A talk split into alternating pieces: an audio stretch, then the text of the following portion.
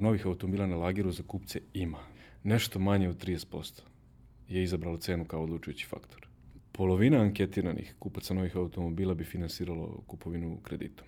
Sajam je u toku, tako da do 17. aprila uživajte u novim automobilima i u sajamskim pogodnostima na sajtu Polovni automobili. Mislim da su novi automobili najjeftiniji za održavanje. 38% su je skočila prosečna cena automobila u 2022. u odnosu na 2020. 50% njih reklo da će da pomeri odluku o kupovini. Stabilizacija nabavke nije još uvek zavrtela stabilizaciju cena.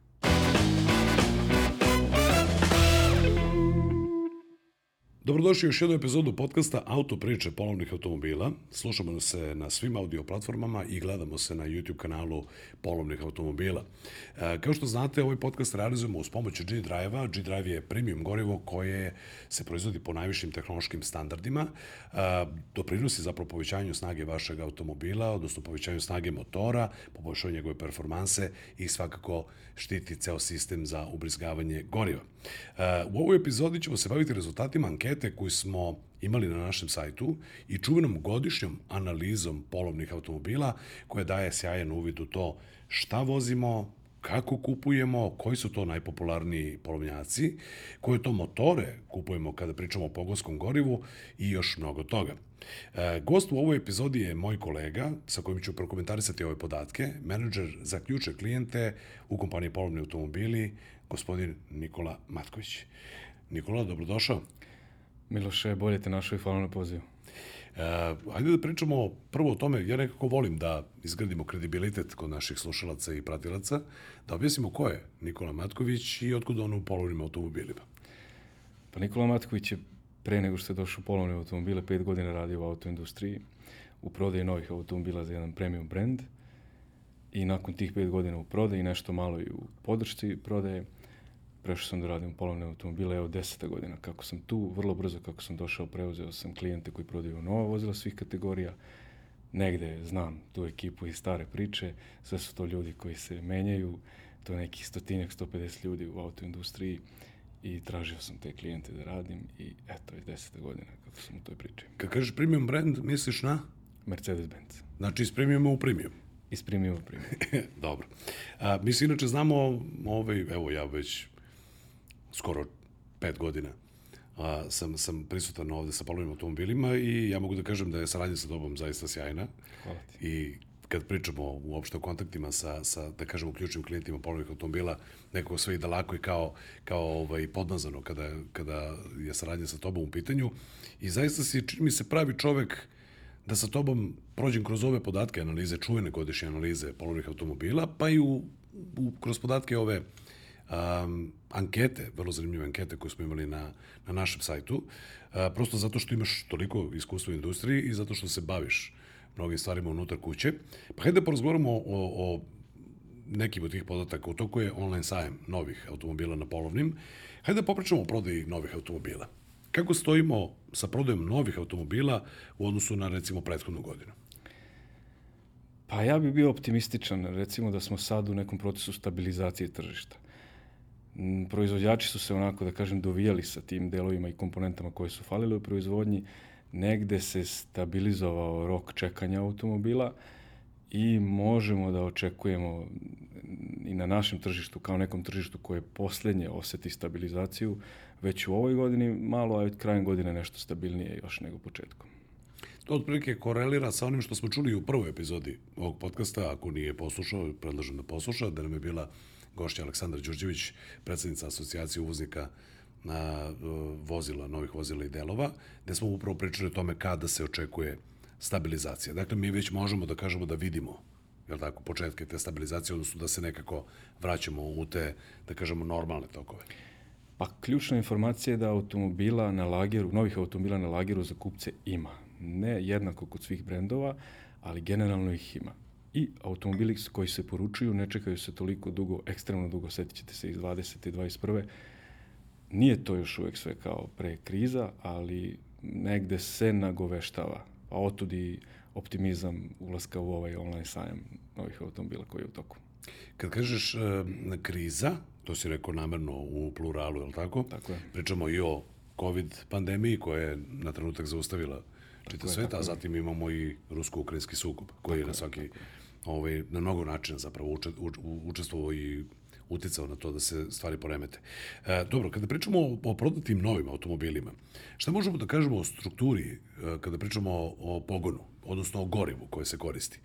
Jer svedoci smo da se dizeli izbacuju iz upotrebe, hibridi su tu, dolaze, elektrika, ima dosta nekih ljudi koji, onako kako bih rekao, su dosta skeptični kada pričamo o tim novim tehnologijama. Šta kažu podaci kada pričamo o pogonskom gorivu kod novih automobila? Podaci kažu da je 2022. donela 60% prodatih automobila na benzinski pogon, negde oko 20 procenata na dizel i negde oko 17% na hibrid i plug-in pogone. 3-4% je ostalo, ajde, to je gas i tako dalje. Iznenađenje je taj procenat na benzinski pogon, obzirom da je odnos drugačiji kad pričamo o polovnim automobilima. Ja bi možda zaključio da je taj odnos u korist benzina najviše zbog tih nekih flotnih prodaja manjih benzinaca za upotrebe kompanija e, koje se bave komercijalom i tako dalje. To su te velike kupovine po 50 automobila. Uglavnom se kupuju ti benzinci i tako dalje. Računa se i na, na 5 godina, na postprodajnu vrednost i tako dalje, na buy, buybackove i negde se već onako u rukavicama ljudi ugrađuju dizela.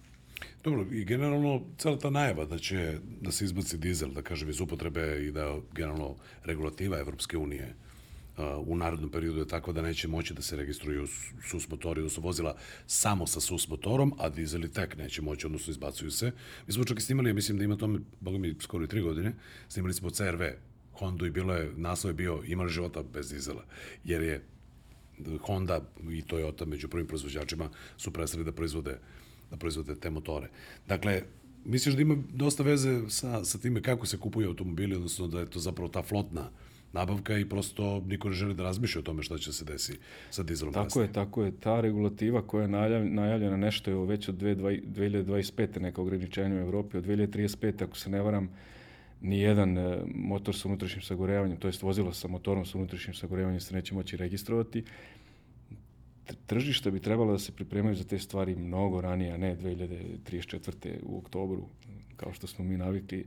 To se već osjeti. Eto, kompanije koje vode računa, kompanije međunarodne koje prate nabavku svojih sestrinskih kompanija u drugim zemljama, sve su to informacije koje su dovele da je benzin ipak prošle godine pobedio. Evo, ja ću da ti kažem Marko da... novih vozila.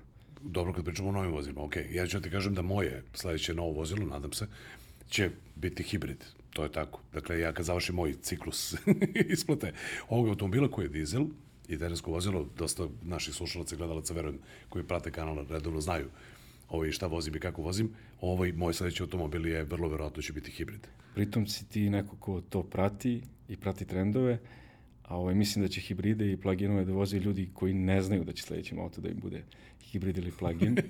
ovaj, rast prodaje novih vozila što se tiče tog procenta hibrida i pluginova se duplira, ajde u grubo, iz godine u godinu od 20. do 22. Uh, procentualno bi to trebalo da bude još jače u odnosu na dizele i benzince i jače u zemljama okruženja, ali kaskamo malo i sustićemo se sigurno. Nećemo moći pobeći od tog trenda, definitivno. Pa, mislim, kako bi ti rekao što kažu, ko svi, jel, kako i kaže stara naroda, ko svi Turci, to i mali moj, odnosno, ako cela Evropa bude tu išla i prosto ne bude bilo za kupovinu tih nekih vozila, kup, kupovaćemo i mi ono što je, je što je moguće. Tako Dobro, e sad da pričamo u, u pogledu brendova. Koji je najprodavaniji u Srbiji kada pričamo o novim automobilima? Pa Škoda je i dalje neprikosnovena. Ok. I sad, ja verujem da ti pratiš komentare ispod naših videa i naših objava na, na Instagramu. Ga, ima dosta ljudi koji, naravno, poštuju Škodu, vole Škodu, nije ovde ideja niti da promovišem posebno neki brend, ali ima i dosta onih koji kao Škoda, pa dignu obrvu i, i tu se nešto zamisle. Ja sam recimo jedan od onih koji će reći to je best buy. Odnosno, kako vole to ljude kažu u komentarima, najbolje od sceni kvaliteta. Zaista je ok automobil, pripada koncernu koji pravi ozbiljne automobile i vrlo se iznenadim zapravo kad najđem na ljude koji kažu ja nikad ne bih vozio Škodu. Očito je da su da, da situacija na tržištu pokazuje drugačije. Pa Škoda jeste best buy za naše tržište, mislim da ga tako i pozicioniraju kao brend. Ja se sećam priče da su se, kad je nestalo nekih komponenta 2020. za, za nemačka vozila, za vozila iz koncerna Porsche, Porsche da su se čak i otimali za delove vlasnici brenda Škode u grupaciji u odnosu na Volkswagen, jer prosto Škoda se prodavala na nekim tržištima mnogo više. Wagen je opet brend na kom se zarađuje više, tako da je bilo ratova u vezi komponenta da bi se vozila, da bi se što veći broj vozila završio što pre za određene kupce. Tako da Škoda se ne da. Takozvani rad Ne branika. damo je mi. Rad branika i čipova, verovatno se to tako zvalo. tako je, Dobro. E sad, da pomenemo ovu anketu koju smo sprovali na našem sajtu, a tiče se kupovine novih automobila, između ostalog.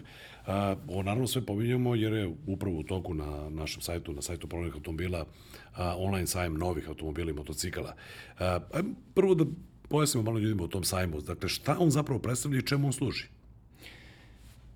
Pa online sajam je u četvrta godina kako ga pravimo. Krenuo je one čuvene 2020. u- kad je bio lockdown, kad ljudi nisu mogli napolje, saloni nisu bili otvoreni, bili su zatvoreni. Negde smo procenili da bi ta sajamska groznica i taj mart, april mogao da bude period da se preko našeg portala ljudi upoznaju sa novinama u autoindustriji i eventualno da se komuniciraju neke pogodnosti pa da ljudi mogu da kupe nešto što žele kad prođe lockdown, kad se otvore Ako ne može uživo i ne Salon. može u salon Tako i je, ne može tako bez maske, evo ti dođi kod nas pa ćemo mi da pogledamo. Tako je. Pokušali smo malo eto tu komunikaciju da, da, da zadržimo kod nas što se tiče novih automobila. Generalno je naš portal portal sa najvećom ponudom novih automobila u Srbiji i ta tradicija se nastavila. Odmah 21. smo videli potrebu da to ostane. Brojke koje smo izbrojali su bile ono, vrlo interesantne. Negde u grubo preko 200.000 posetilaca online sajma se desi u periodu kad mi to promovišemo.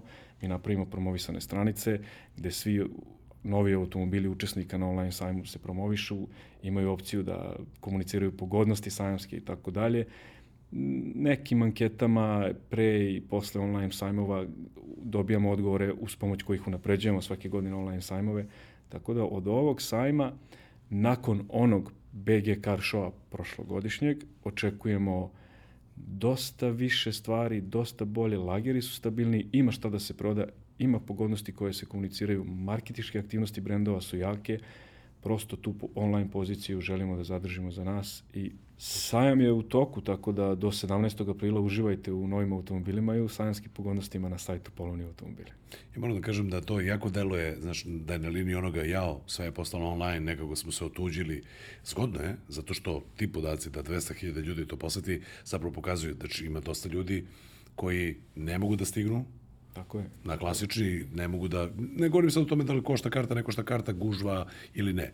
Zgodno je, mnoge stvari, inače se televizija se danas promenila, pa mi gledamo sadržaj onda kada nam je zgodno, onda kada mi imamo vremena za taj sadržaj, znaš, radno vreme sajma je jedno, a druga stvar je kad ti možeš to sve da, da vidiš online. Online sajam bi mogao da bude dobra priprema, da ljudi i potencijalni kupci znaju šta će tamo da vide, koje pogodnosti ih očekuju. Na kraju krajeva, ja sam imao priliku u nekom salonu, prilikom jednog sastanka da analiziram broj posetilaca jednog automobila izloženog u salonu i pričao o prodavcima koliko to kupaca dođe u salon dnevno, prosečno za taj automobil i tu je bila cifra negde oko 6, 7, 8.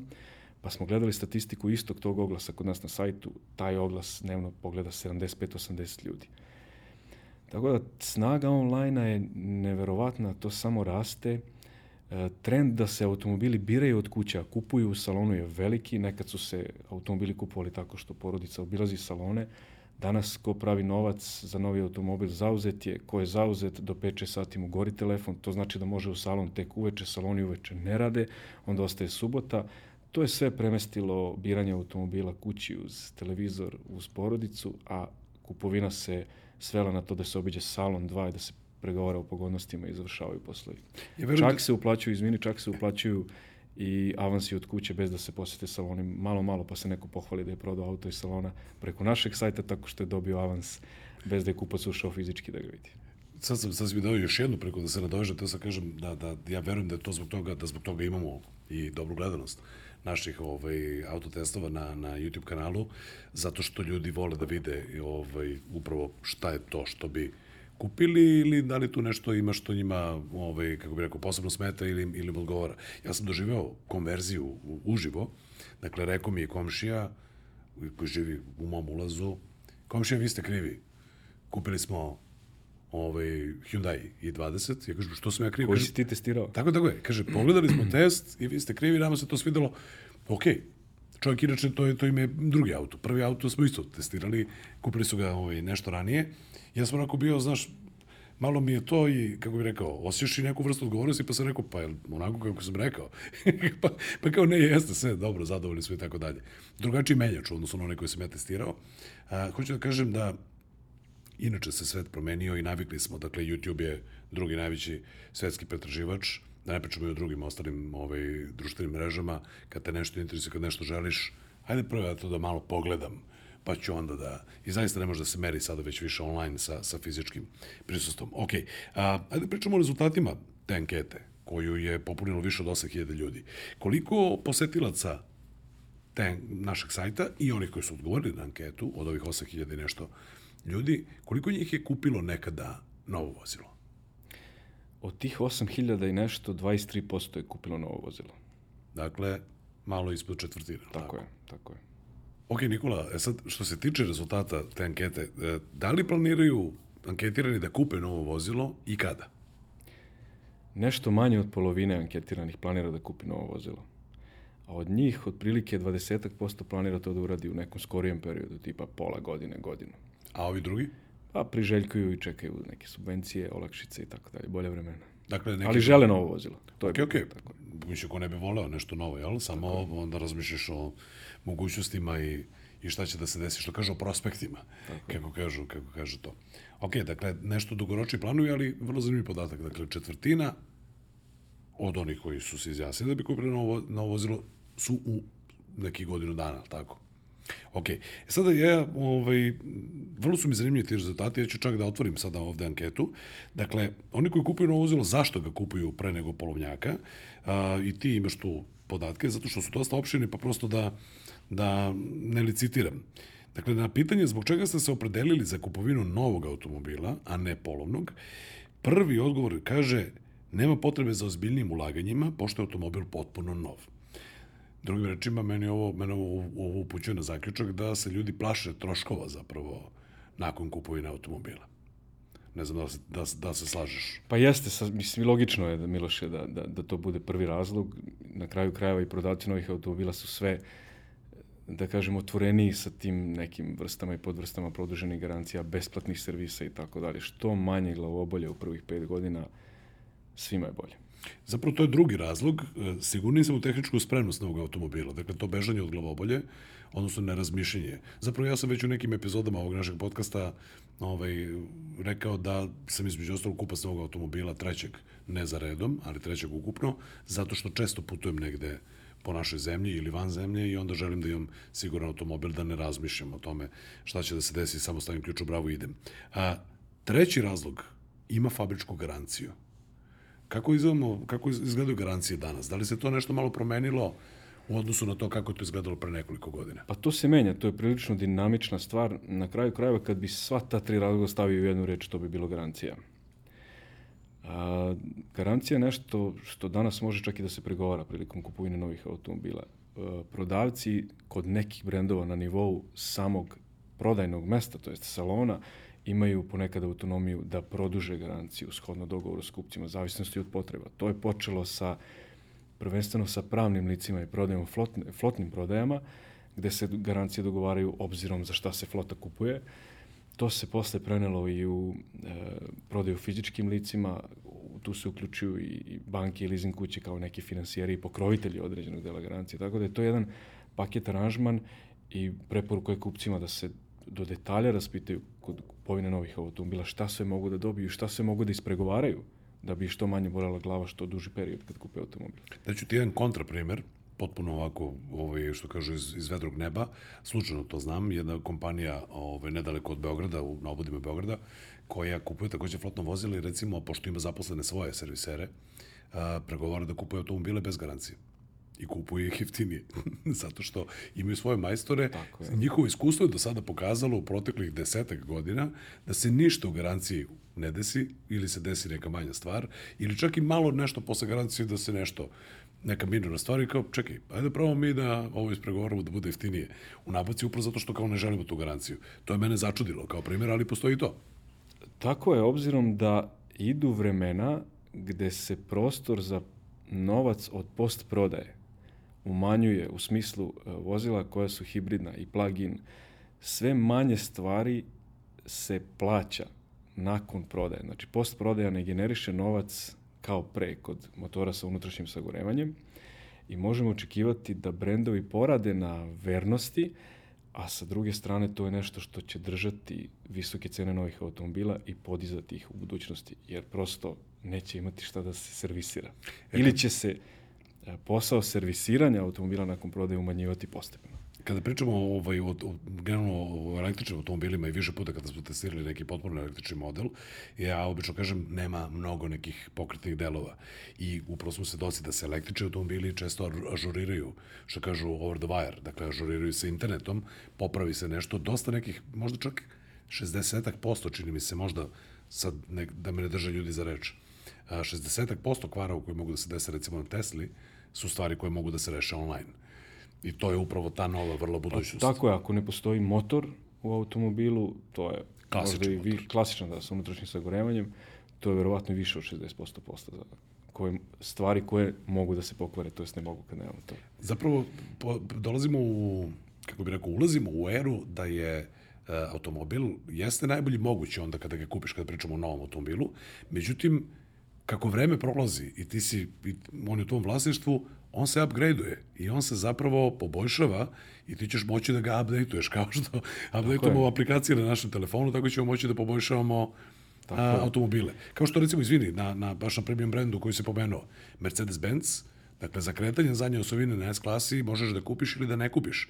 Odnosno, možeš da kupiš kao upgrade kasnije. Dakle, ono postoji već je tehnički, mehanički je tu, ali ako si to platio kao opciju, imaš ga odmah, ako nisi možeš kasnije da dokupiš, pa će oni da te uključuju da se to dešava sa zadnjom osobinom. Tako je, Tesla je tu daleko odmakao, mislim, prvi počeo je daleko odmakao i diktira trendove. Sa druge strane, sama prodaja sve više podrazumeva razne načine dugoročnih najmova. Tako je. Ne bili s kupcima, ajde da kažem, ostao novac za neke druge potrebe. Tako da procenat vlasništva nad se automobilima se smanjuje.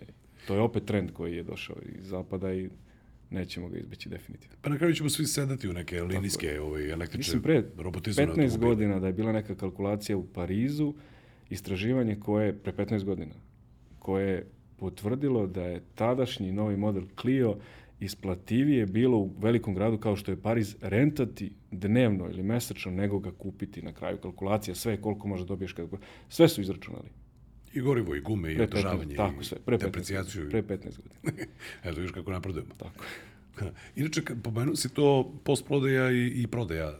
Budući da si bio, sa, da tako kažemo, sa druge strane šaltera, šta možemo da kažemo o tome koliko novca zapravo generiše prodaja, koliko postprodaja automobila, odnosno koliko udela je to kad prodamo, odnosno kad neko proda nov automobil, a koliko kasnije dobija kroz prodaju, odnosno postprodaju i servise i rezervne delove. Informacija koju imam ja nije e, mlada, stara je neki deseta godina, tiče se brenda gde sam ja radio, Mercedes-Benza, negde oko dve trećine novca e, prodajni salon i servis generiše preko postprodaje. Dakle, dve trećine servis. Tako je, postprodaja. Ja da će. Dobro, mislim, to je meni logično i sa stanovišta što Eh, onog stanovišta da se ne kupuje novi automobil tek tako svaki dan. I pričali smo i u toj prvoj malo čas spominjenoj epizodi podcasta da je to druga najveća kupovina, najvažnija kupovina koja se nama psihološki dešava, pa i finansijski, u životu. Jedna je stan, a onda kreće ono da treba izdvojiti najviše novca, to je kada pričamo o novim automobilima, ovaj, to je ta kupovina automobila. Ok, a, idemo sada na, mislim, logično mi da, da se kasnije dve trećine na tom održavanju, servisiranju, jer prosto automobili se troše, potrebno je zameniti koje šta, logično mi je taj... A i biznis su postavili tako, ima i toga. Tako je, tako je. Odnosno, nekada bilo, sad će ovo da vole mnogi naši slušalci, gledalci, nekada je Golf dvojka mogao da traje 25-30 godina, pa evo i sada se je li vozi, a Nekada sada... je Deutsche Marka. Što kažu ovaj, during the war, odnosno back in the days. Pa ne, ali stvarno, znači, ja sam to pomenuo jednom od testova Golf četvorka kada se pojavio, Nije prošlo godinu dana, ja sam ih već viđao, sad ne radimo štopaljka, ne radimo leva ili desna, ne radimo prednji far i to se potpuno uklapa u ono što negde svi znamo da kao svi proizvođači su uvideli da im se ne isplati da prave nesalomive automobile, nego kao ajde mi to da pravimo da se to koristi 2, 3, 4 godine, pa onda ide dalje. Pa malo su naišli, na, odsekli granu na, kojom se, na kojoj sede u periodu krize sa komponentima, zato što to pojeftinjenje i planiranje kvaliteta, da, št, ajde, da ne kažem da što kraće traje, ali da bi se što više novih automobila što pre prodalo, ispostavilo se da su brendovi koji su imali procentualno više vlasništva u fabrikama za sve komponente mnogo bolje prošli tokom krize, a ovi koji su išli na pojeftinjenje tako što su kupovali komponente od raznih fabrika po svetu, su najviše trpeli u, u, u zatvaranju proizvodnje automobila za Dakle, vreme. oni su bili Čabrinović, oni su se našli čabro, da neko kažemo, dobro. Ok, um, da se vratimo dakle na rezultate ankete uh, i odgovor na pitanje zbog čega kupovina novog automobila, ne polovnog, ima još zanimljivih pitanja. Uh, četvrti po redu imam veću sigurnost pri izboru automobila i kupovini. Uh, zatim sledi uh, odgovor koji kaže novi automobili su bezbedniji od polovnih. Mi smo imali par puta testiranja nekih automobila da kao, ok, ti sad ako uzmeš S klasu staru 15 godina ili kupiš, ne znam, novi neki manji automobil, vrlo verovatno da je S klasa od pre, od pre 15 godina bezbednija od ovog sada automobila. Već su tu i zone gužvanja i tako dalje i, i, i ABS-ovi i, bože, airbagovi sam da kažem. A, dakle, osim ovoga što spada u garanciju, idemo onda i na bezbednost i zatim sledeći rezultat kaže lakše ću ga kasnije prodati zato što sam prvi vlasnik kupljen je novo u Srbiji i ima servisnu istoriju u Srbiji. Šta tu možemo da kažemo? Ja recimo mnogim mojim prijateljima kada nešto traže na našoj platformi, pa ja pokušam da ih onda usmerim. Znači, ja, kao, ja bih htio da budem što sigurniji. Ok, traži onda klikni tamo kupljeno u Srbiji, prvi vlasnik u Srbiji, ako te to baš interesuje. Ima raznih kupaca, je li tako? Šta, šta misliš ti o ovim podacima? Pa jeste, to kupljen nov u Srbiji sa istorijom održavanja je vruća roba, čak i ta istorija održavanja i sve vrste neke preporuke sigurnosti. Imali smo mi pre dve, tri godine istraživanje gde je broj jedan razlog kupovine automobila neka vrsta sigurnosti, da li je to preporuka nekoga kome verujete ili nešto što neki portal može da vam obezbedi kao sigurnost ili prodavac ima neki, neki papir, neku garanciju, neku istoriju održavanja, to je vruća roba kod nas. Dobro, to je važno prosto zato što ljudi ne žele da razmišljaju o tim ulaganjima kasnije. Tako je. Ok. A, I imamo sigurnije mreža servisa za nove automobile. to, je, to je poslednji podatak. Pa Mislim... jeste, jeste. Mislim, negde i brendovi kad raspoređuju servisne mreže po, po državama, uglavnom se vodi računa da na, neki, na x kilometara postoji servis, tako da gde god se ključnim saobraćajnicama uputite u jednoj zemlji, možete na, na određenoj kilometraži da računate da tu postoji servis. Mislim da je u našoj zemlji brendovi koji se prodaju su dosta dobro rasporedili svoje servise. A, nismo velika zemlja, negde na 100-150 km uvek imate servis. Na kraju krajeva kupite novi auto, uglavnom vi imate neke pakete dežurstva 0 do 24 službi koji su, koje će doći da vam pomognu da odvezu vozilo u servis, pa sad ima tu i zamenski auto i tako dalje. Mnogo je manje glavobolje kupovine novih, novih automobila. A, mislim da se sužava i taj gap koji se javljao kod kupaca u smislu mnogo ću da izgubim za godinu dana kad kupim novi auto, zato što se, ajde da kažem, sve se mlađi automobili kupuju, sa jedne strane prodavci novih automobila sve manje zarađuju na prodaji novih automobila. Marže nisu velike, tu i konkurencija i tako dalje i, sam, i sama proizvodnja automobila i onda su e, prodavci novih automobila ušli u nabavku i ponudu sertifikovanih polovnih automobila, tako da vi danas kod velikih autokuća možete nađete polovnjaka koji su sertifikovane, koji su oni nabavili kroz aranžman staro za novo ili neke buybackove, neke flote ili uvezli od svojih partnera iz okolnih zemalja, ali bitno je da je sertifikovan. I to je, izvini, pre par godina, to, to, to su, nisu se svi odvažili odmah na taj potez.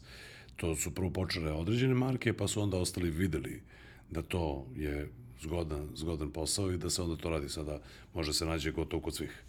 Da, pa, onaj ko je radio staro za novo kad su počele, kad su počele krizne godine, ovaj, imao je, da kažem, više posla i prostora da zaradi na automobilu mnogo više procentualno. E sad idemo na sledeće pitanje. Čime se rukovode kupci novih automobila? Dakle, sledeće pitanje u našoj anketi. Čime se rukovode kupci novih automobila? Šta im je najvažnije? Proizvođač i model. Anketa kaže. Znači, nije cena? Nije cena. Evo, ja ću da otvorim takođe rezultate. Dakle, više od polovine proizvođač i model, dakle, to je glavna stvar glavni drive, pa tek onda dolazi cena. Nešto manje od 30% je izabralo cenu kao odlučujući faktor. Dobro. I tek onda treća stvar je uslovi finansiranja. Dakle, da li će biti kredit ili leasing, o čemu smo pričali u prošloj epizodi ovog podcasta. I, kako I dalje se, se vrti dosta keša i kupuje se na keš. tako je, tako je. I ono što mi je interesantno, poslednji razlog, odnosno najmanje učestvuje sa 1,43%, rok isporuke. Dakle, to je potpuno nebitno, izgleda. Ja sam iznenađen tim malim procentom, obzirom na probleme u rokovima isporuke koji su bili, ali da li su se toliko stabilizovali da je taj procenat ono, opravdan, da su te, ti problemi daleko iza nas. Ili su samo čudni ljudi popunjavali anketu. A dobro, ali ide, dakle ovako, ide proizvođači model, zatim cena, zatim uh, uslovi finansiranja, pa tek onda pogonsko gorivo, pa tek onda ovaj, ide drugo, Dakle, navedite, to je bilo slobodno pitanje, i onda su, da može da se, da se navede i tek onda rok isporuke. Vrlo, vrlo, vrlo zanimljivo. Mislim da će ovaj faktor pogonskog goriva odjednom da skoči u procentima. Negde će nešto da se desi, neka subvencija ili nešto i onda će to odjednom da bude. Slušaj, živi bili pa videli. Mi, ja planujem da se mi ovde družimo svake godine, ako, ako ništa, makar nakon objavljivanja te analize, pa da onda to uvijek prokomentariš. Biće mi zadovoljstvo svake godine. E sad, Nikola, kada pričamo o, o kupcima novih automobila, čega se oni najviše plaše? Pa nestabilnosti. Krize, inflacije, rata, kredita. Rasta, rasta Tako, rate zapravo. Rasta rate kredita, sve je to neizvestnost. E, zapravo, ja mogu da, pa verujem da, će, da ćeš se ti složiti negde pred kraj 2022. godine i kako neka vozila smo uzimali polovne, neka nova za snimanja, a primetio sam da prodavci u salonima su primetili taj pad interesovanja ka kraju godine, što ima veze sa tim da se zapravo u celom svetu se najavljivala nestabilna situacija. Vidjet ćemo šta će biti energetski, vidjet ćemo šta će biti sa ovim i sa onim. I nekako su svi ljudi onako malo stali i sačekali da vide šta će da se desi, jer neko im utisak da sada se malo to vraća, malo se opustilo. Tržište i ponovno su brojevi počeli da rastu. Jeste, malo se opustilo, pominjao si malo čas da je taj novac koji kupci izdvajaju za automobil negde drugi po veličini komad novca koji se izdvaja kod nas, da je to ipak kupovina automobila institucija, da to, prosečno to nije zalogaj koji velika većina ljudi može tek tako da, da proguta. I taj komad novca prosto je u nekom momentu bilo je pametnije čuvati u kući, a ne kupiti novi auto, god neki stari auto služi. E onda se desio taj, ajde da kažem, neki opet neprirodni, vanstandardni bum nakon tog prvog talasa lockdowna i krize gde su svi ide ono išli sa, sa motom. Jedno se živi, moram da kupim sad bolje auto, auto koji sanjam, pa su kupovali i, i ono što im ne treba negde, računajući da je sve najgore prošlo. I nakon toga je krenula druga ratna kriza, gde se opet stvari stabilizuju, sad negde stabilizuju, poremećuju, malo drugačije u odnosu na COVID krizu, negde nisu svi toliko blokirani, ali oprez je merljiv, oprez je veliki i to i brojke kažu. Otprilike oko godinu, godinu i po dana čekamo da vidimo šta će da se desi, pa onda idemo dalje. Tako, I onda još godinu i po čekamo da vidimo šta neće da se desi. Odlično, znači u ciklusima se, se dešava, dobro. Sad kada pričamo o tome, koliko para bi ljudi izdvojili po toj anketi, a, dakle, više od 8000 ljudi je to odgovorilo, dakle, koliko para bi izdvojili za kupovinu novog vozila, kakva je tu segmentacija? Evo ja ću da, da, da, da prizovem ovde rezultate, zašto mi to dosta interesantno. A, na pitanje koliko budžeta planirate da izdvojite za kupovinu novog automobila, a, četvrtina kaže do 13.000 evra. Dakle, to je jer ne, ja do kraja nisam ni siguran šta možeš ti danas da kupiš za te novac jer je sve poskupelo. Pa može nekoliko modela, ali te modele na kraju krajeva kad vidite novi auto na, na putevima, to je velika većina tih automobila. Sad, da ne nabrajamo, ali to je to. Da, da, oni koji, koji, su, koji su, da kažem, najlakše dostupni. Tako. A, sledeći sa, sa skoro 22 od 100, od 15 do 20 hiljada evra, pa zatim a, 20, skoro 21 od 100, od a, 13 do 15 hiljada evra, viš kako neko to čudno, to čudno ide, pa onda slede od 20 do 25 hiljada sa 13 odsto, pa zatim preko 30.000 evra samo 11 odsto i 8,68 odsto od 25 do 30.000 evra. Malo sad ovo ko sluša, neka uzme ovaj, samo olovku da, da zabeleži. Šta nam govore zapravo ovi podaci? velikom većinom čini mi se, dakle, ta budget kategorija, ali tako? Tako je, tako je. Najjeftinije, I naj, najjeftinija, jeftinija i srednja klasa automobila. To je zapravo, Tako je. kako bih rekao, određeni smo, kao koliki nam je organ, toliko se i pokrivamo, ali tako? Pa to, to je velika većina automobila i to je upravo ciljna grupa gde očekujemo neku vrstu pomoći u nabavci. Zato što kad takve automobile pomognete ljudima da kupe, onda će taj broj da bude mnogo značajniji za sve. Ovo luksuznije, ok, to su kupci koji, svakako bi im značila pomoć, ali kojima su takvi automobili dostupniji. A, pričamo samo o kupcima novih automobila, znači ko kupuje polovne, kupovaće i dalje polovne. Negde u nekom momentu takav kupac može da pređe i da postane kupac novog automobila, ali mora da ima značajni podsticaj. Da bi se odlučio na taj korak. Okay. Ok, Taj značajni posticaj može da dođe u, u, u duhu promena pogonskog goriva. I to je ono što se očekuje. Za Nikola, kada pričamo o tim kupcima novih vozila, kako oni kupuju? Koji je način finansiranja? Ko tu prednjači? Šta tu prednjači? Polovina anketiranih kupaca novih automobila bi finansiralo kupovinu kreditom. Negde ispod 40% u kešu i negde iznad 10% putem leasinga. Mi smo u prethodnoj epizodi podcasta upravo sa, sa Dušanom Uzelcem, urednikom portala Kamatica, pričali o tome koje su to razlike kredit i leasing i zapravo ta činjenica da kod leasinga ti nisi vlasnik tog predmeta, dogod ga ne isplatiš, otprilike odvraća ljude. Jer kad uzmeš kredit, onda posle nekako si malo više si gazda i možeš sa time nešto da radiš upravo zbog tog straha koji smo malo prepomenuli. Piše u saobraćenoj čiji. I piše u saobraćajni čiji, ali, ali i mogućnost da ti posle nešto uradiš sa njim. U smislu, nema više para za ratu, prodaj ovo, idemo dalje, idemo u krug. Naravno se zavisi od toga u kom si, u kom si aranžmanu. Ali zapravo ta zapravo čini mi se nesigurnost, nestabilnost i strah šta će da bude sutra, to nas najviše opredeljuje oko toga kako ćemo i kupovati automobile i zašto ih kupujemo i čega se ljudi najviše plaše. Znači, kredit, gotovina, Tako pa tek onda leasing. ok. Um, online sajem novih automobila i motocikala je u toku, kao što smo rekli. E, Kakva su očekivanja kupaca? Sajam jednako pogodnosti. Kupci očekuju pogodnosti. E, Negde već znaju da je tržište se promenilo i da nema više popusta na kakve su navikli do 2020. E, Ovaj sajam možda donese i iznenađenje u smislu dostupna vozila za odmah, što je, tako reći, postala pogodnost. Još ako se tu provuče neki poklon i neki procenat pogodnosti, eventualno neko subvencionisano finansiranje, 0% na neke modele i tako dalje, produžena garancija, to su stvari koje kupci treba da očekuju, za njih pitaju i za njih da se bore. Ok, to su, kako bih rekao, je inače za mnogo ljudi kada, koji kada razmišljaju o kupovini automobila, sačekat ću ja sajam. Sačekat ću popust ili kad me neko me prevoza, hoće vidi popusta za sajam i tako dalje. To je, ljudi očekuju da zapravo to negde, ajde kažem, u, u toj sredina drugog kvartala, tako? Tako je. Mogu, mogu, mogu tako da kažem, sredina drugog kvartala da se dešava sajam automobila i kao i sajam novih automobila na polovnim automobilima. Sada već evo, ovaj, mogu da računaju to već, već neko vreme se to dešava. Sada iz tradicije. Sada već postaje tradicija i ljudi očekuju upravo to što si rekao, da se desi neki popust, neka dodatna pogodnost. Pa po, pogodnosti se, ajde da kažem, tradicionalno komuniciraju i negde u toj predsajamskoj atmosferi i traju dugo nakon sajma. I ono što može biti interesantno kao informacija je da prodavci veliki broj prodatih vozila tokom godine baziraju na lidove i kontakte koje su napravili tokom te sajamske groznice, da kažem, na samom sajmu i pred i nakon sajma, kad su pogodnosti. Tako da, bez obzira što tradicija klasičnih sajmova u Evropi lagano izumire, kod nas se čeka sajam i čekat će se, čini mi se, još dugo vremena da bi se kupilo najpovoljnije.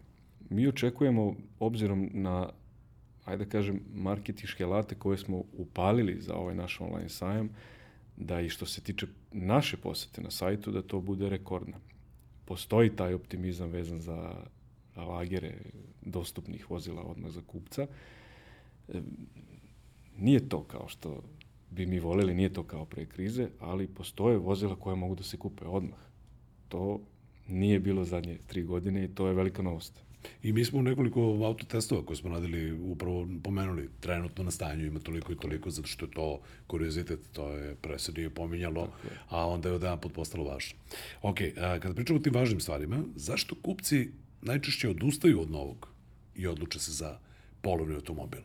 A, meni su tu recimo rezultati istraživanja vrlo zanimljivi zato što prednjači naravno finansijski razlog, kaže nemam dovoljno novca za kupovinu novog automobila, pa zatim ide suviše brzo gube na vrednosti. To je drugi najvažniji razlog. E sada, ta deprecijacija, upravo zbog toga što su bili poremećeni na tržištu, ja sam ovde to rekao par puta, ja ću proći super.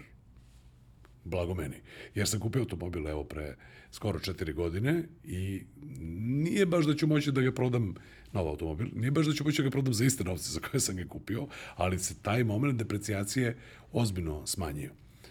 Kakve su tvoje saznanja? Zašto ljudi odustaju osim tog finansijskog razloga i, i gubitka na vrednosti? Pa kupovina novog automobila je kod nas uvek, rukovodili su se kupci cifrom koju plaćaju odmah. I ako gledaš samo tu cifru koju izdvojiš odmah za automobil, onda može da te boli nešto što to izgubiš nakon prve dve godine. Izvini, sad pričaš o, toj gotovini, ali malo čas smo rekli 50% na kredit i da se pozovem ponovo na prethodnu epizodu ovog podcasta, da je bio došao Zelac i svako poziv i našim slušalcima i gledalcima ako nisu, da poslušaju i pogledaju tu epizodu. A, a, tu se zapravo radi o toj kupovini automobila, odnosno ti zapravo budućeg sebe na neki način a, projektuješ i za, kako bi rekao, stavljaš u neki kalup To su pare koje ćeš ti svakako morati da zaradiš. Odnosno, kao što je rekao Dušan, kredit se ne dobija, kredit se kupuje. Neko, dobio se kredit, niko ti ništa nije poklonio. Tako Te pare ćeš ti morati da daš. Tako I zapravo tako treba i da se, da se ponašaš. Odnosno, taj novac u budućnosti za kupovinu tog automobila, ako pričamo o kreditu, a 50% je se izjasnilo da bi bio kredit, to nisu možda nemogući uslovi nego ti treba da se opredeliš da ćeš biti taj budući ti koji će to da odradi i da, i da zaradi. Pa tako je, ako posmatraš uh, cenu automobila od momenta do kad si ga kupio, bez obzira koliko si novca i na koji način finansiranja si ga kupio, do momenta dok planiraš da ga prodaš, koliko te je koštao, koliko si manje platio obzirom da si imao garanciju ako je to novi automobil, koliko te je koštao neko besplatno servisiranje, tako da koliko si manje kvarova imao, koliko si manje goriva, obzirom da su ekonomični, ekonomični novi modeli, koliko si manje goriva potrošio, do momenta koliko će taj auto da vredi za x godina kad ti planiraš da proš, ili ti prosto ističe finansijski aranžman, to je prava cena automobila. A kad se tako gleda, onda ta rana gubi mnogo na vrednosti u prvoj godini, nije takva. E sad, ajde da kažem, kultura takvog merenja kupovine automobila je raste kod naših kupaca i negde kad bude došla do neke, uz, nadamo se, porast standarda kupovne moći, kad bude došla do neke masovnosti, sam broj automobila koji se, novi, novih koji se proda kod velikog broja kupaca će biti takav da će sve to biti optimalnije i bliže onom nekom standardu koji gledamo i priželjkujemo, bar u okolnim državama i na, i na zapadu.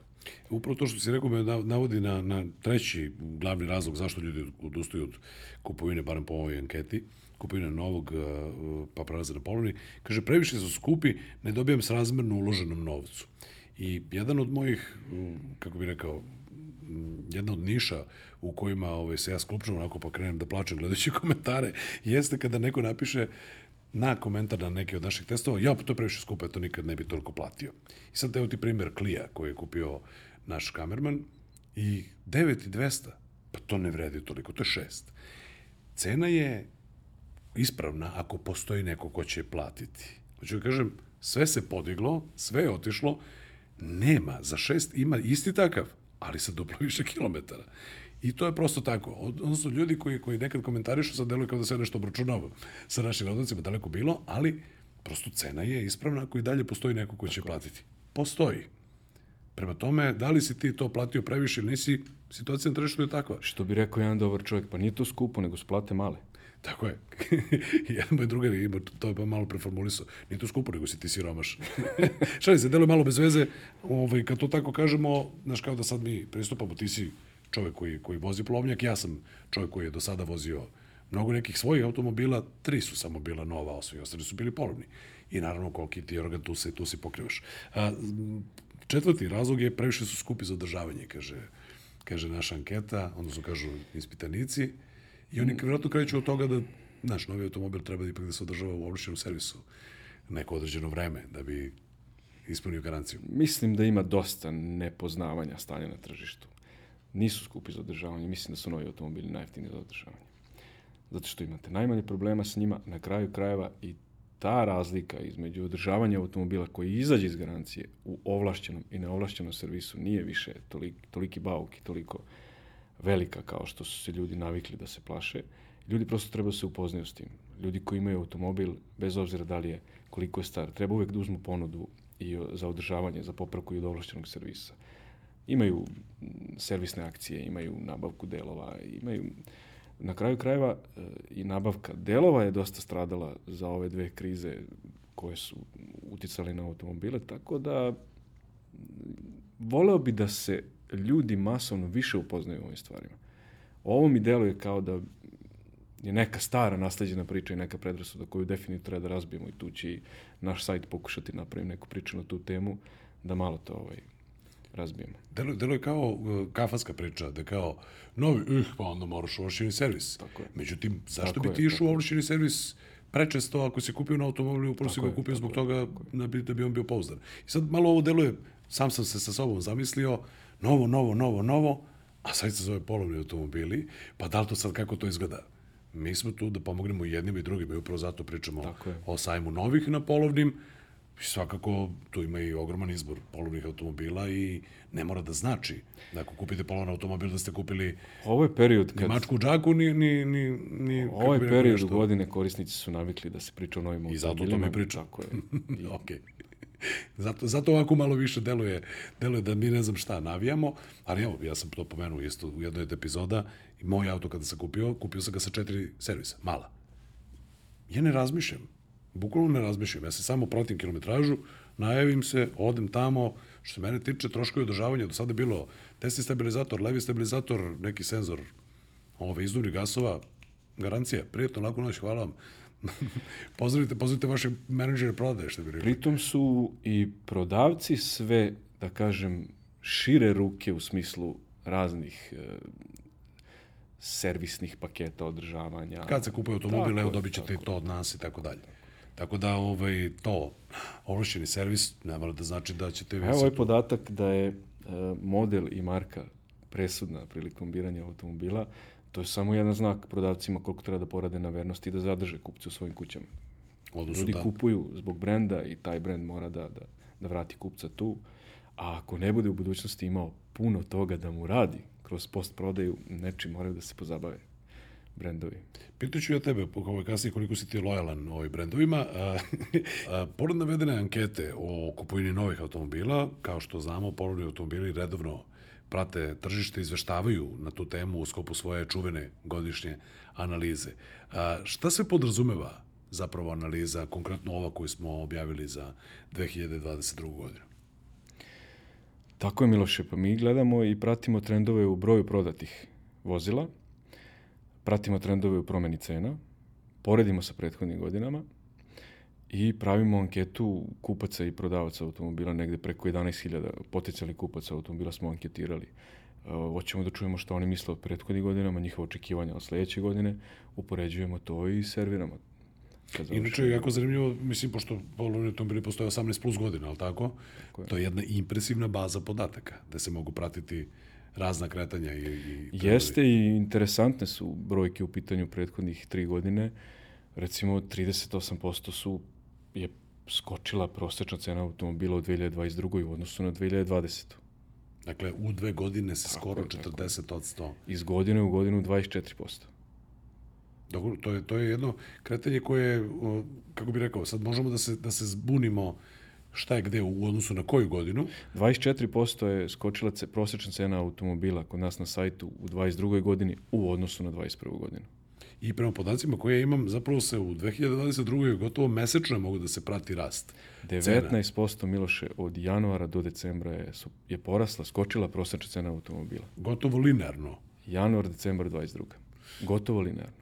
E, šta su izazovi kada pričamo o, o prodavcima automobila, konkretno polovnih? Pa prodavci automobila su, koliko ja znam, bili u problemu sa, sa prvom krizom i nabavkom automobila. Ja sam čuo čak i slučajeve gde su, ako se ne varam, Nemci zabranili eksport polovnih skupljih automobila iz svoje zemlje, ne bili zadržali automobile u zemlji radi no, onog čuvenog novca od postprodaje. I naši su neki dileri čak i nudili, preplaćivali automobile, prosto a placevi su bili prazni, morali su da imaju neku robu. Kupci su dolazili, najgora stvar kad nemaš robu na placu. Poremeći u cenama je svima bio jasan, ali kad nemaš automobil na placu, to je ozbiljan problem. I mislim da se to malo stabilizovalo, šta, kako su reagovali. Reagovali su, skočili su cene, nisu imali puno automobila prodavci na, na placevima, imali su manje, ali su više zarađivali, tako da se negde to izjednačilo, kad su uspeli da nabaju automobile. Sad opet se šuška o nekom padu i stabilizaciji cena automobila, ja nisam siguran da to možemo očekivati još. Obzirom na onaj trend od malo čas, 19% januar, decembar 22. i obzirom da sve drugo poskupljuje, ta blaža stabilizacija u nabavci automobila mislim da nije dovoljan faktor da vrati, čak i da uspori rast cene autom, polovnih automobila na, u Srbiji. Vidjet ćemo šta se dešava u narodnom periodu i svakako ćemo analizirati. Nikola, polovni automobili su mesto da se sreću i profesionalni prodavci i amateri prodavci, da tako kažem. Međutim, ti amateri prodavci kada prodaju svoje automobile, oni zapravo ponovo postaju kupci. Odnosno gledaju da kupe nešto, nešto novo odnosno nešto drugo, ne, ne novo, u smislu novog automobila, nego da kupe neki automobil. Koliko su svetska dešavanja uticala na njihovu odluku u kupovini, e, zato što imamo podatak da je u maju 2022. većinski odgovor bio da svetska dešavanja nisu i neće uticati na njihovu odluku o kupovini, da bi se krajem godine to drastično promenilo. Šta se desilo? Zašto to tako? Pa biće da je tumačenje svetskih dešavanja u maju značajno različito od tumačenja svetskih dešavanja u decembru i verovatno su ljudi misli da to neće tako uticati. Nije se toliko puno pričalo o inflaciji. Decembar je doneo zimu, decembar je doneo priču o energentima i u decembru je 50% njih reklo da će da pomeri odluku o kupovini, a boga mi 10% njih, preko 10% da će da odlože odluku u kupovini. To je ona basna od Cvrčku i mravima. Od prilike. Sviralo se, sviralo u maju, a onda kada je zagudilo, onda je da. bilo drugačije. Ok, a sad promene cena svakako utiču na izbor dostupnih automobila. To smo nekako, čini mi se, u proteklih uh, sad, sad vremena pokrili. A međutim, koliko su ljudi korigovali svoje budžete? Dakle, poskupili su automobili, šta nam kažu podaci? Koliko njih je ostalo na istom budžetu, koliko ih je smanjilo, a koliko ih je povećalo da bi, da bi kompenzovalo? Pa negde oko polovine, kaže analiza, da je ostalo na istom budžetu. Nešto, nešto oko 40% anketiranih su smanjili budžet, a samo 10% njih je povećalo budžet. Da bi kompenzovali za, to, za to poskupljenje tako je, tako automobila. Je. A imamo i onih 5,5% pragmatičnih koji računaju da sad treba da kupe zato što cene neće ići dole, nego samo gore. Ja bih voleo da je taj procenat malo veći. Jer ništa drugo mi ne govori da će cene da padne. Ok, kako su promene cena uticale na raspoloživost automobila? Pričali smo o tome da smo dakle imali te velike, ta velika odlaganja. Da li je zapravo bilo više automobila za kupovinu ili ih je i po tim višim cenama bilo nedovoljno? Bilo je nedovoljno. Bilo nedovoljno. Još uvek ih ima nedovoljno. Ovo što se sad dešava, što je u ponudi, što, baš što se tiče novih automobila, je neka stabilizacija lagera i dalje daleko od prekriza. kriza E, sve to je zavrtelo i otežano nabavku polovnih automobila tokom ove dve godine. Hajde da kažem, stabilizacija nabavke nije još uvek zavrtela stabilizaciju cena. I to je ono što se svi nadaju. Tu čekaju. Tu čigru da vide. Tu čigru da vide. ok. E sad, da se vratimo na, na ponovo na polovnjake, odnosno malo više u polovnjake. A, jedan podatak kaže da je prodaja polovnjaka iz uvoza u 2022. bila za 15% manja u odnosu na 2021. godinu, a 8% manja ako bismo poredili 2022. i 2020. kada je na snazi bio i lockdown. Kako ovo možemo da objasnimo? Pa to je, pominjali smo to već možda jednom, to je to neko, neki ohrabrujući izlazak iz one prve COVID krize. I mislim, za vreme onih blokada i lockdownova čak i ta isporuka je bila otežana, čak i kupci i prodavci koji su već imali dogovor nisu mogli da jedno vreme da isporuče da kupe automobil, iako su znali šta će kupe i dogovorili su se. Pa je onda u 21. isporučivano dosta i novih i polovnih automobila koji su dogovoreni 20. I otud je taj skok. I ima onaj faktor čuveni sad ili nikad. Kad ću ako neću sad, ko zna šta me čeka. Kasnije je druga kriza bila drugačija, naravno, ova ratna, i donela je drugačije stavove. Evo, pomenuli smo malo pre u maju, posle, tri meseca posle početka rata, ljudi su dalje misle to neće dugo, neće ovo, neće ono, neće ništa pomeriti, međutim već decembar je sasvim druge zaključke možemo da izvučemo u decembru.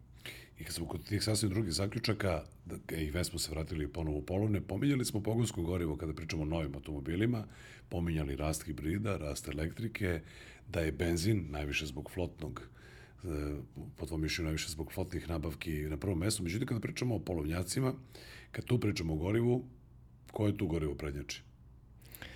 Tu je neprikosnoven dizel još uvek, tako da možda čak i, ako se ne varam, 60% to je kontra podatka o novim automobilima, 60% naših kupaca polovnih automobila se kunu u dizel motore.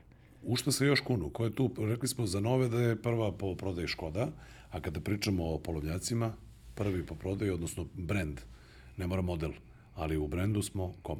I dalje nemački narodni auto, Volkswagen. Dakle, ovamo u novima čerka firma, a ovde mama. Tako je. dakle, Volkswagen ili ili ništa. Za Volkswagen, Nemac, dizel. Da, da, za veliku većinu. Deutsche Mark, još kad bi Deutsche Marku vratili. Uš, to bi bilo bombona. Ja sam ću baš da pronađem podatak da vidim, vrlo mi je interesantno to, da vidim kako se to kretalo tačno. I evo da ti potvrdim, dizel 65%, benzin 31%, ostalo 4%, a što se tiče brendova Volkswagen, Opel, Audi, Peugeot, Renault na jakom petom mestu, Fiat, na šestom Citroen, na sedmom osmi BMW, devet Ford i deset Mercedes-Benz.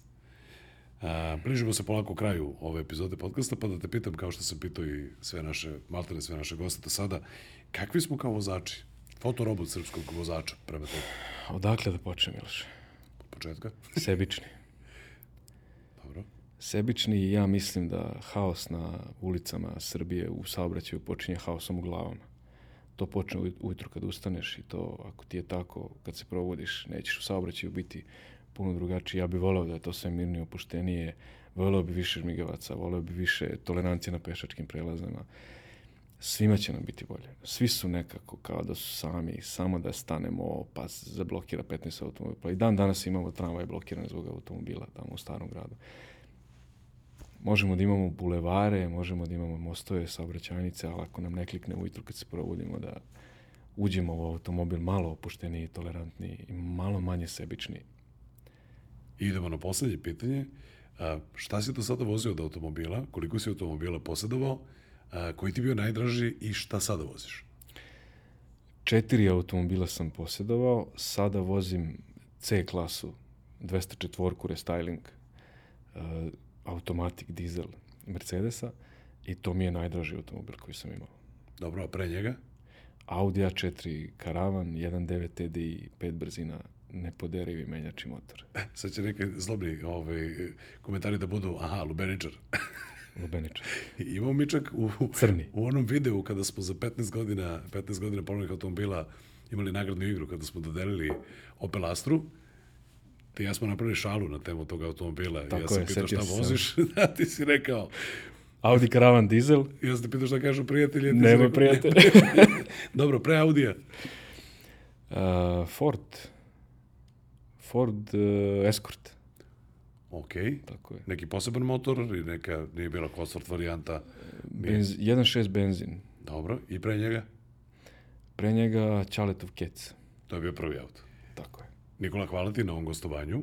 E, Na početku nekome će možda delovati kao e, moj podcast o meni, odnosno polovni automobili, međutim, mislim da si zaista kvalifikovana osoba iz kompanije da popričamo o ovim vrlo zanimljivim rezultatima i o istraživanju i e, mislim da ne treba javno obećanje da ćemo se vidjeti kad bude bila sledeća analiza kretanja cena i tržišta polovnih automobila. Dakle, pozivam te unapred da nam dođeš sasvim sigurno barem još jednom, odnosno makar jednom godišnje da se ovako lepo ispričamo.